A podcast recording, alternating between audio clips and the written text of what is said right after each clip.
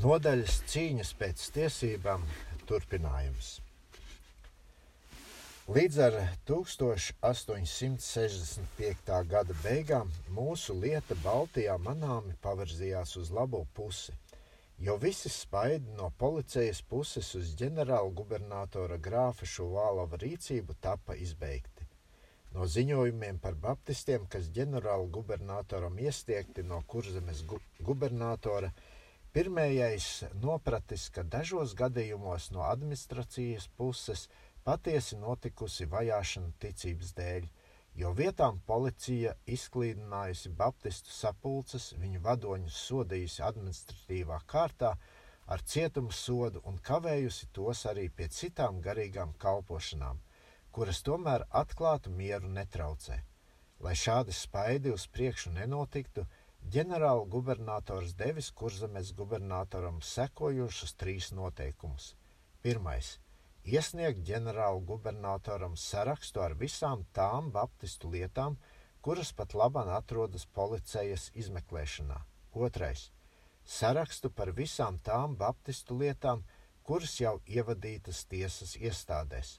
Un trešais - izdot noteikumus, pēc kuriem baptistus sadursmēs ticības lietās ar baznīcu vai vietējo administrāciju jāietur tāda pat kārtība, kāda likumos noteikta šādos gadījumos starp valdošo pareizticīgo un evaņģēliski luterisko baznīcu, tas ir, ka šādas lietas taptu priekšā stādītas ģenerālgubernatoram pārbaudīšanai, kurš pēc saviem ieskatiem var lietai dot tālāku virzienu vai to arī atstāt bez ievērības. Pamatojoties uz aizrādījumu, Kurzemas gubernators von Breverns 1865. gadā, 8. novembrī, izdeva visiem kurzemes pilsētu maģistrātiem, policijas valdēm un virspilstiesām sekojošus priekšrakstus. Pirmais. Baptistu sadursmēs ticības lietās ar valdību uz priekšu jārīkojas cieši ievērojot aizrādījumu. Ja kur izrādās par vajadzīgu, tad tuvāk izmeklēt apstākļus, zem kuriem no baptistiem notikusi kāda pastāvoša noteikuma pārkāpšana, un bez kā pielietotu šādos gadījumos arestēšanu, man šādas liekša, lietas priekšā celt, lai tās varētu tapt nodotas ģenerāla gubernatoram tālākai rīcībai. Otrais. Visām pret baptistu, tic, baptistiem ticības lietās celtām sūdzībām – lai tās atrastos vai nu policijas izmeklēšanā, vai jau būtu nodotas tiesām, jātop apturētam un man bez kavēšanās iesūtītam, lai augšā minētie saraksti varētu tapt sastādīti. Šis rīkojums bija mūsu brāļiem sākuma laikā īsts brīvības manifests. Gubernatori rīkojumu lasījuši priekšā sapulcēs, likuši to nodrukāt daudzos eksemplāros, kurus tad izdalījuši locekļiem. Līdz ar šo gubernatora rīkojumu zuduši visi spaidi no ārienes. Sapulces noturējuši visur, kur tām tikai telpas piedāvātas. Šis brīvības laiks ilga veselus 13 gadus, līdz pat 27. martam 1879. gadā, kad no valsts padomes tapa izstrādāts tā sauktais Baptistu likums – kurš kurzemes guberņas valdes tulkojumā tā skan: Pirmais, dibinājoties uz valsts pamata likumu, 44. artikula, Baptisti bez jebkuras traucēšanas apliecina savas ticības mācību un apkopj ticības iestādījumus pēc tiem pie viņiem pastāvošiem ieradumiem. Klaju dievkalpošanu viņi notur tanīs, ar gubernatora atvēlēšanu no viņiem uzbūvētās jeb ietaisītās ēkās.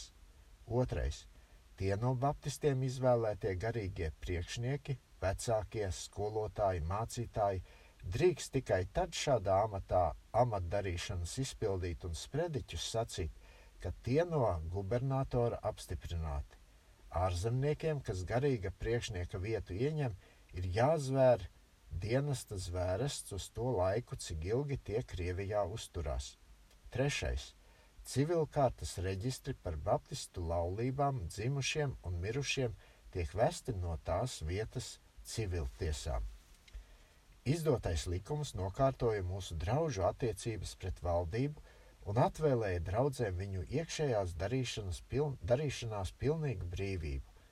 Pirmos gados pēc šā likuma iznākšanas zemākās valdības iestādes vēl neizprasdamas likuma īsto prātu, dažos gadījumos turējušas par pienākumu iejaukties arī mūsu iekšējās darīšanās. Tā piemēram, Kurzemes guberņas valde 1883. gadā 2. maijā atteicās apstiprināt par draugu baptistus, kas pulcējās savā pašu lūkšanas namā Jaunliepājā pie katoļu kapiem, tā saukto Rīsa draugu, jeb Liepājas sākuma draugu, pamatojoties uz to, ka Liepājā jau esot viena apstiprināta draudzene un ka to baptistu skaits, kas lūdz atvēli nodibināt īpašu draugu, nav pietiekoši liels.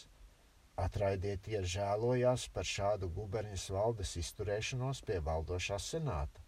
Uz šo žēlošanos senāts 23. jūlijā 1886. gadā aizrādīja kuber, Kurzemes guberņas valdei un Liepājas policijai, ka likums skatās uz baptistu ticības atzīšanu vienīgi no policijas redzes stāvokļa. Ja kādas baptistu draudzes atzīšana izrādītos par kaitīgu valstī, un gubernatoram ir neapgāžami pierādījumi par tās kaitīgumu, tad tas šādai draudzēji var ceļā stāties. Bet, ja izceļas jautājums, kur no vietējiem baptistu draugiem stāv tuvāk īstai baptistu atzīšanai, tad administrācijai nav nekāda pamata noteikt vienu draugu par tuvāk stāvošu īstai baptistu atzīšanai nekā otru, tā kā par baptistu ticības mācību likumā nekas nav sacīts. Likums arī nenoteicot, cik lielam jābūt locekļu skaitam, lai tiem varētu apstiprināt īpašu sapulces telpu. Reizā ar šiem paskaidrojumiem Senāts pavēlēja atcelt guberņas valdes spriedumu un liepainieku lūgumu vēlreiz nodot gubernatoram caurskatīšanai. Savā tālākā gaitā draudzes likuma apsargātas baudīja diezgan tiesību. Mazākās draudzes savos uzņēmumos un darbībā nekur nejūtās kavētas un iešaurotas. Bija iestājies tā sakot īsti noderīgs laiks priekš draugu iekšējās dzīves mierīgas attīstīšanās. Tikai žēl, ka aiz piedzīvojuma trūkuma izcēlušās iekšējās jukas kavēja šo miera un svabadības laiku izmantot draugu nostiprināšanai un iekšējai attīstībai. Līdz ar 90. gadu sākumu šis brīvības laiks izbeidzās. Nospiedošais gaiss, kas viņā laikā bija nojūtams vai uz visiem garīgās darbības laukiem, tāpā arī samanāms valdības attiecībās pret mūsu draugu darbību. Tā piemēram, Kurzemes gubernatora 1893. gadā 16. septembrī izdotais cirkulārs cieši noliedza vienam sludinātājam izdarīt kaut jau kādu garīgu kalpošanu kāda cita sludinātāja draudzē. Šāds noteikums, kā zināms, padarīja draugu kārtīgu apkopšanu dažā ziņā gluži neiespējamu. Smagi šis noteikums gulās uz mazākām draudzītēm, kas vienas nebija spējīgas uzturēt īpašu sludinātāju, un kuras tāpat tāpēc apkopa tuvākie lielāko draugu sludinātāji. It visām kurzemes draudzēm nācās pieciest tik ļoti tīkamos apmeklējumus no sludinātājiem viesiem. Nevien draudzēm, bet arī sludinātājiem šis noteikums darīja daudz raižu. Slimības gadījumā vai citai kādai likstai uznākot, kas sludinātāju kavēja izpildīt savus pienākumus draudzē, tas nevarēja cerēt, ka kāds no viņa amata biedriem varēs izpildīt tā vietu. Šis pats cirkulārs arī prasīja, ka katrā gadījumā, kur kāds evaņģeliskās luteriskās draudzes piedarīgais grib pievienoties Baptistu draudzēji, pēdējam jāuzrāda tā sauktā atlaišanas zīme no savu bijušā mācītāja. Pie kam mācītāja atteikšanās izdot šādu zīmi nedod tiesības Baptistu draugas sludinātājiem zināmo personu pievienot draudzēji bez šīs zīmes. Drīz pēc šī cirkulāra iznākšanas no vairākiem draugu priekšniekiem tapa gubernatoram caur rakstu izteikts, cik neiespējami ir šos noteikumus izpildīt, un 1900. gadā no vairākiem draugu priekšniekiem tapa iesniegts lūgums valdošam senātam lai atceļ minēto cirkulāru, tomēr viss bija bez sekmēm. 1901. gadā maijā Bātas draudzes sludinātājam Ulbertam tapa no tiesas piespriests naudas sots par kādu minētā cirkulāra noteikumu neievērošanu pārkāpšanu. Lieta tapa pārsūdzēta un beidzot nonāca līdz valdošam senātam. Pēdējais pavēlēja spriedumu atcelt, izskaidrojams, ka, ja likums neuzliek kriminālu atbildību par zināmu noteikumu pārkāpšanu, tad likumam par aizsargu tādā arī nevar tapt uzlikta caur administratīvu iestāžu noteikumiem, ja zināmai iestādei nav īpaši uzdot šādus noteikumus izlaist, un tāpēc arī Ulberts, lai gan izrādījies par vainīgu, neizpildīdams priekšrakstus, kuri jāievēro Baptistu draugu sludinātājiem, tomēr nav saucams pie atbildības par likumu pārkāpšanu, bet var tikai disciplinārā kārtā tapt atbildīgs darīts. Pēc šī senāta izskaidrojuma gubernatora cirkulārs arī zaudēja savu spēku, tā kā augstākā tiesas iestāde bija atteikusies apstiprināt sodu, kas piespriests par viņa neievērošanu. Pamatojoties uz visaugstākā ukaza, no 12. decembra 1904. gada, caur kuru tika iecelta īpaša komisija svešticībnieku likuma caurskatīšanai, no vairākiem baptistu draugu priekšniekiem tapa iesniegts ministru komitejai paskaidrojuma raksts par mūsu vajadzībām līdz ar lūgumu dot baptistiem ticības lietās iekšēju pašvaldību. Lūgumam arī bija klāt pielikts sīk izstrādāts projekts iekšējai pašvaldībai – Tieša atbilde uz šo lūgumu nav saņemta, bet vēlāk sekojošie visaugstākie manifesti un valdības rīkojumi darīja iesniegto lūgumu un projektu par savā ziņā lieku, dodami daudz ko no tā, par ko lūgumā bija minēts. Ievērojot dažus no valdības pašā pēdējā laikā izdotus priekšrakstus un rīkojumus, rādās, ka noskaidrojies, brīvības apvārsnes sāks atkal apmākties – un mums vēl nāksies piedzīvot dažu tumšu dienu. Bet tas, kurš savu neredzamo roku pār mums turējis izstieptu veselu gadu pussimteni, arī nelieks mums uz priekšu savu apsardzību, ja tikai mēs paliekam arī uz priekši, priekšu viņa tūmā. Beidzot, atliek mums vēl mest skatienu uz stāvokli, kādu mēs sākuma laikos ieņēmām pret vietējo evaņģelisko baznīcu, kuras garīgā apkopšanā atradās toreiz vai visi Baltijas iedzīvotāji.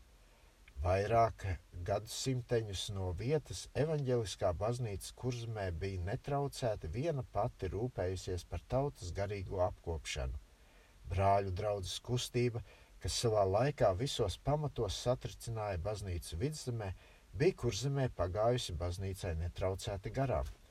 Tikai gadus 30 pirms baptistu izcelšanās kurzemē vai arī drusku agrāk no Mēmeles gar jūrmalu uz liepājas pusi starp vietējiem jūrmalniekiem esot izplatījusies kāda savāda reliģiska kustība, kura no tā laika mācītājiem tiek dēvēta par kara lauču noklīšanu, jeb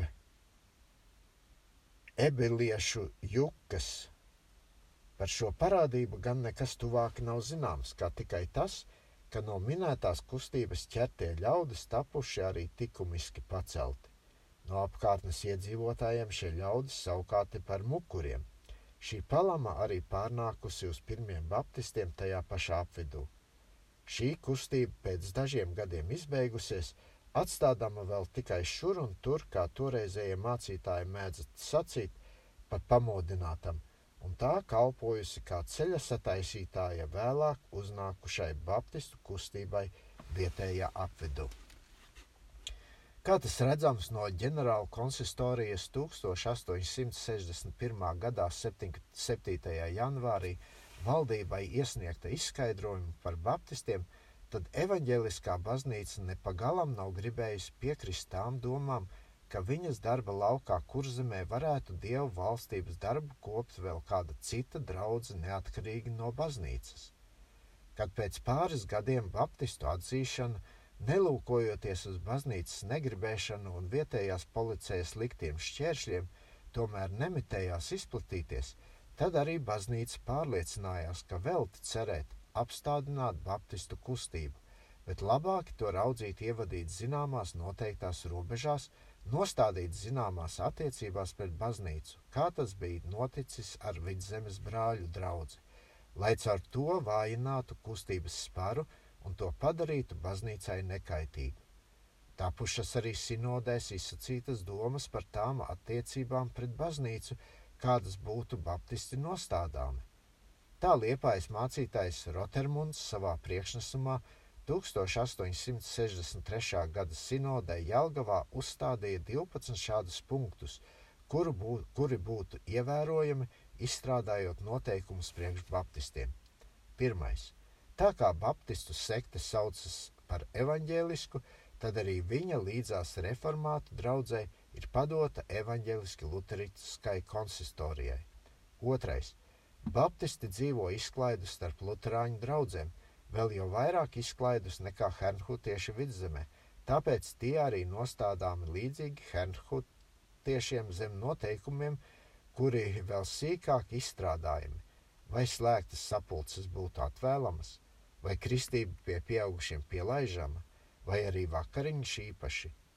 Baptisti paliek zināmā sakarā ar to luterāņu draugu mācītājiem, kuru draudzēs tie ir, it sevišķi, kas zīmējas uz baznīcas grāmatu vešanu, kā arī uz dzimušo un mirušo sarakstiem. Trešais - ātru atraisīšanos no baznīcas, jeb kā to agrāk mēdz sacīt, emancipāciju, jāraugu, cik iespējams kavēt. Tas ir Ikvienam, kas aiz šāda vai tāda vieglprātīga iemesla, lai no sevis kādu pienākumu nokratītu vai vienu jeb otru labumu panāktu, gribētu no baznīcas izstāties, tam nedrīkstētu to tūliņ atļaut. Būtu nepieciešami vajadzīgs, ka priekš šāda nopietna soļa spēršanas taptu dots garāks termiņš apdomāšanai, lai šajā laikā zināmais loceklis, kas grib no baznīcas izstāties, varētu savus izstāšanās iemeslus pietiekoši izskaidrot un spētu tās baznīcas mācības, kuras vairs ar viņa pārliecību nesajietas, noteikti apzīmēt. Ar vienu vārdu sakot, dot atbildēšanu par savu jauno ticību. Likumam zināms Jānos teica, kā priekšā šāda atbildēšana dodama, vai vietējā prāvesta vai mācītāja, vai kāda cita taisna šim nolūkam iz apkārtnes uzaicināta mācītāja priekšā. Formālai pāriešanai jānotiek pēc tiem pašiem noteikumiem, kāda jau pastāv starp luterāņiem un katoļiem. Ceturtais. Ticības piekritēju vervēšana ir, ciešā, ir uz ciešāko noliedzama un sodāma. Piektais. Baptistiem jādara zinām valdībai, kādā laikā top viņu sapulces noturētas – un nezem kādiem apstākļiem nedrīkst tapt atļauts turēt mistērijas aiz slēgtām durvīm, jo kristīgajums ir gaisma, un tāpēc nav zem pūra liekams. Sestais. Kolektes slepeniem mērķiem ir aizliegtas. Septītais. Tik tādiem mācītājiem, kuri izturējuši zināmu eksāmenu un ir no valdības apstiprināti, ir tiesības sludināt, sakramentus izdarīt un baznīcas grāmatas vēst, ja pēdējais pienākums netiek no likuma citādi kā nokārtots. 8. Sakramenti izdarāmi atklāti. Kristības nedrīkst notikt naktī. 9. Jaundibinājamai draudzēji jāuzrāda līdzekļi, no kuriem tā uzturēs savas baznīcas skolas un algos savus apkalpotājus. 10. Vecākiem pienāks priekš saviem bērniem vai nu īpašas skolas dibināt, vai tos sūtīt Lutāņu skolās, kurās tad tie padoti visiem pastāvošiem skolas noteikumiem. 11. Kapsētas baptistiem jāierīko pašiem, vai arī pēc vienošanās ar Lutāņu draugu tie lieto vietējās draudzes kapsētu. 12. Tā kā vēl tagad dažām muižām jāmaksā nodevas baznīcām, pie kurām tās vairs nepieder, bet reiz piederējušas tāpat arī tām zemnieku mājām, kuras īpašnieki atstājušies no baznīcas, tomēr pienākas savas nodevas un klaušas izpildīt tāpat kā agrāk. Lai nedotu iemeslu piedauzīties, Lutāņu mācītāji piecieš tās nodevas, kas viņiem nāk par labu, tās nododami pagasta nabagu lādei. Šajā pašā priekšlasījumā, iz kuras ņemti pievestie 12 punkti, mācītājs Rotermunds lai iepazīstinātu savus biedrus ar baptistiem, arī ņemas iztirzāt mūsu ticības apliecināšanu. Nevar tīri saprast, kas minēto mācītāju pie šī darba vadījis. Vietām tīri jādomā, ka tā bijusi ļaunprātība, kas vienīgi tikai grib saviem pretiniekiem celt negodu, ļaunu slavu. Tā piemēram, runādams par laulību, Tas izstāsta, ka pēc baptistu ticības apliecināšanas tikai ticīgais ar ticīgāju var tapt salauzāti, un proti caur dievu vārdu un draudzes lūgšanu. Bet tad minētais mācītājs vēl piemetina, ka tas tā pie baptistiem tikai teorijā esot, bet praksē jau notikušas vairākas iedošanas kopdzīvē, kur laulība slēgta uz pieciem gadiem. Nodoms padot mūsu draudzes evaņģēliskai baznīcai zināms neizdevās, jo lietas gāja savu gaitu. Pirmā gadu desmitā mūsu draudzītes vēl no dažiem baznīcas kalpiem tapušas dažās, dažās savās vajadzībās kavētas, bet vēlāk arī tas izbeidzās. It īpaši pie miroņu apglabāšanas mūsu pirmie brāļi bieži vien kavēti. Vairākās vietās, kā Gramsdā, Ezerē un Kuldīgā, Vietējais mācītājs nepagalam nav atļāvis apglabāt baptistiem savu mironi vietējos kapos. Mazgramsdā pie viena tāda gadījuma uz muižas pārvaldnieka rīkojuma divi baptistu līķi apglabātu, apglabātu ganīklī. Apglabāto piederīgie gan aplikuši kapu kopiņām sklandas, bet tās drīz vien kādā naktī tikušas nozāģētas. Tomēr pēc vairākiem gadiem, kā par gandarījumu, ievajadzējies ierīkot jaunus kapus, tad šai vajadzībai taisni izvēlēta tā vieta, kur priekš gadiem tikuši aprakti abi baptistu līķi. Bija jau arī šī vieta kapsētā īsti iesvētīta. Kuldīgā nesot ticis atļauts apglabāt kādas māsas grietas neimant mirstīgās atliekas, izgājušies gan pie pilskunga, gan pie mācītājiem, bet nekā beidzot lūguši atļauju sausgaļu ķoniņu ciema ļaudīm apglabāt viņu kapos, un pēdējie arī par pieciem rubļiem devuši kapa vietu. Līķis paslepas aizvests uz sausgaļiem un aprakst. Bet, kad tas tāpis zināms, tad radušies pretinieki, kas piesolījuši minētā ķoniņa ciema ļaudīm piecus rubļus, lai rokot baptistu līķi ārā un dodot baptistiem atpakaļ. Piederīgiem bijis arī bail, ka tas nenotiek. Tie piemaksājuši sausgalniekiem vēl 5 rubļus, lai līķi atstājot mierā. 1870. gadā tapa arī no konsistorijas izlaisti priekšraksti, lai nekavā baptistus savus miroņus apbedīt kapos, ja tikai par apbedīšanu pie laika ziņots vietējiem mācītājiem jeb kapu pārzinim. Arī zvanīšana nesot tādos gadījumos uzspiežama. Kā jau sacīts, nevien mēs paši, bet arī baznīca vēlējās kaut mūsu draudzes, jo ātrāk taptu likumdošanas ceļā nokārtotas. Kas šādai vēlībai bija par pamatu, to mums paskaidros pāris pievestu teikumu izbārtas mācītāja brāža paskaidrojuma Nīmecam. Kurzemes garīdzniecība jau sen ilgojās, lai baptisms taptu no valdības atzīts un nožēlo, ka pēdējais vēl nav noticis. Šī žēluma iemeslu sludinātājs Nīmets sapratīs, kad viņš, piemēram, salīdzinās savas mēmeles Baptistu draugas locekļu vairošanos un mazināšanos pirms un pēc šī nokārtošanās. Kā redzams, garīdznieku starpā valdījušas domas, ka baptisms tikai tur var augt un pieņemties, kur valda likuma trūkums. Tas, tā sakot, bēg no likuma. Tomēr arī šādiem uzskatiem bija jā, jāizbeidzas. Šāda bija attiecība starp mūsu draugiem un Lutherisko baznīcu mūsu sākuma laikos.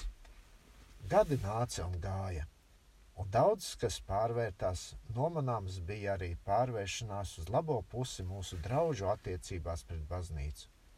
Novērojot mūsu darbu un dzīvi, viens otrs no baznīcas mācītājiem ir novērojis, ka neesam visdzinušies pakaļ murgiem un izgudrotām pasakām, bet kā arī mūsu atzīšanā un iekārtā ir kas vērts un pieņemams. Vēlākās sinodes iz, sinodēs izsacīties spriedumi par baptistiem jau skan gluži citādi. Tā 1873. gadā sinodē top nolasīts kāds raksts, uz ko mūs pamāca baptisms. Raksta sacerētājs atrod, ka baptistu draudzes aizrāda evaņģeliskai baznīcai, ka jāpiegriež vēri, vairāk vērības draudzes kārtībai. Evaņģeliskās draudzes pamata likumos gan esot novilktas noteiktas robežas, bet praksē tas jau sen esot izzudis. Arī dažā jautājumā un priekšlikumā, kas sinodēs iekustināti, apspriešanai manāms mūsu iespējas. Piemēram, 1873. gadā kāds no mācītājiem izsaka priekšlikumu, ka daži atklāti grēcinieki, netiklības nama turētāji un, iemi, un to iemītnieki, kuri oficiāli skaitās pie, par baznīcas piedarīgiem, taptu no tās izstumti. Kā cits mācītājs izsakās, ka būtu atceļami pastāvošie baznīcas noteikumi, kuras spiež iesvētīties un ņemt dalību pie svētā vakariņa. Vēl baptistu iespējas gaiši manāms ievērībā, kuru baznīca pēdējos gados piegriezusi jaunības kopšanai, ierīkodam bērnu dievkalpošanas un biedrības draudzes jauniešiem, kurās var novērot, ka par paraugu ņemtas mūsu svētdienas skolas un jauniešu biedrības. Lūkojoties nākotnē, nevar nekā cita labāka vēlēties, kā kaut šīs savstarpīgās saprašanās uz priekšu ar vienu vairotos.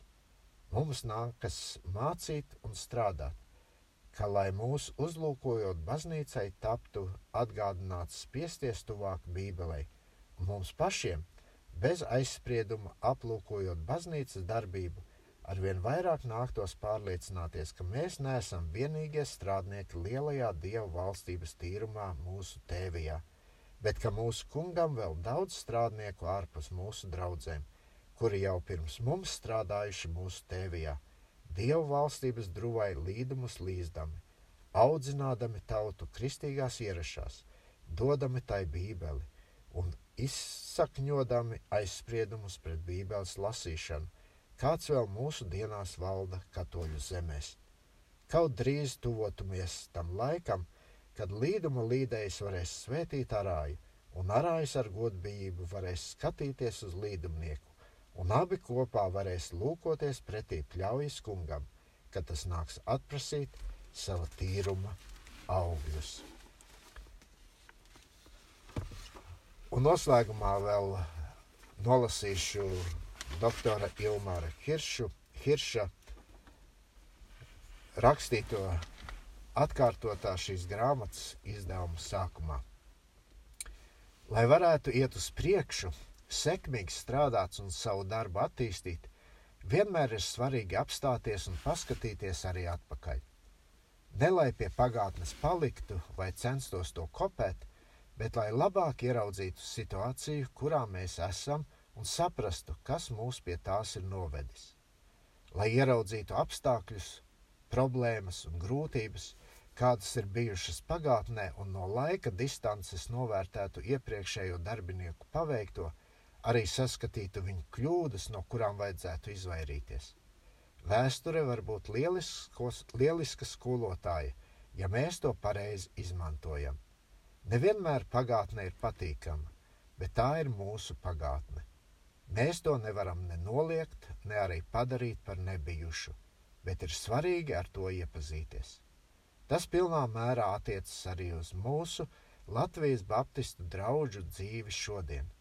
Mums ir bagāta vēsture un ļaudis, kas sevi ir nesautīgi ziedojuši dieva darbam. Mēs nebūtu neesam ne pirmie, ne arī vienīgie šajā plašajā Latvijas Baptistu darbinieku saimē. Vēsture rāda daudzus, kuru priekšā mums būtu zemu jānoliec galva un jāpateicas Dievam un viņiem, ka viņu upurēšanās, pašaizliedzības, nesautības un reizēm pat fanātisma dēļ ticības stafetes kociņš ir atnests līdz mums. Protams, ir bijušas arī kļūdas, maldi, nesaskaņas un šķelšanās, bet arī tas pareizi saprasts un rūpīgi izvērtēts var kalpot mums par brīdinājumu, mācību un pat iedrošinājumu. Mēs varam un mums vajag mācīties ne tikai no gudru teologu akadēmiskām lekcijām, bet arī no savas vēstures un savu darbinieku uzskatiem un pieredzes. Viens no autoritatīvākajiem izziņas avotiem par Baptistu draugu sākuma laikiem Latvijā joprojām ir mācītāja, garīgā semināra skolotāja un direktora vēsturnieka Jāņa Rīsa Latviešu Baptistu kustības 50 gadu jubilejai veltītā grāmata Latviešu Baptistu draugu izcelšanās un viņa tālākā attīstība, kura izdota 1913. gadā Latviešu Baptistu draugu apgādībā pie Jāņa Aleksandra Freja un biedriem Rīgā. Jānis Rīs īsā laikā paveicis patiešām fenomenālu darbu, par kuru bīskaps un vēsturnieks Jānis Tervits vēlāk savā darbā Latvijas Baptistu vēsture raksta Jāņa Rīsa grāmata draudžu izcelšanās ir un paliek pamatu pamats Latvijas Baptistu draudžu vēstures izzināšanā. Diemžēl grāmatas plašāku izmantošanu ierobežo divi faktori Tā vairs nav pieejama grāmatu veikalos un ir kļuvusi par retumu arī mūsu draugu locekļu grāmatu plauktos. Valodu, kādā grāmata ir sarakstīta, lielākā daļa šodienas lasītāju vairs nepārvalda. Jāņa Rīsa grāmatas atkārtotā izdevuma mērķis ir padarīt šo fundamentālo darbu ar tā saukto faktoloģisko materiālu pieejamu tiem šodienas lasītājiem, kas latviešu valodas tā saucamo veco drupu vairs nesaprot. Šis darbs nav iecerēts kā faksimili izdevums, taču tajā maksimāli ir saglabāta autora valoda, stila īpatnības un laikmeta elpa. Tas pats sakāms par pieturzīmju lietošanu, kas daudz viet neatbilst mūsdienu gramatikas likumiem. Tāpat ir saglabāti izcēlumi tekstā īpaši personu vārdu izcēlumi, kaut arī nevienmēr ir skaidrs autora nodoms izceļot tieši tos vai citus vārdus. Vietvārdu un daļēji personu vārdu atveidošanā ir saglabāta autora rakstība. Tur, kur tas uzskatīts par nepieciešamu pārpratumu novēršanai vai teksta labākai izpratnei, iekavās slīpajā rakstā ir doti redaktora paskaidrojumi. Ceru, ka šis darbs būs vērtīgs materiālu papildinājums tiem, kas patiesi vēlas iepazīties ar mūsu draugu vēsturi un no tās mācīties. Paldies, ka klausījāties!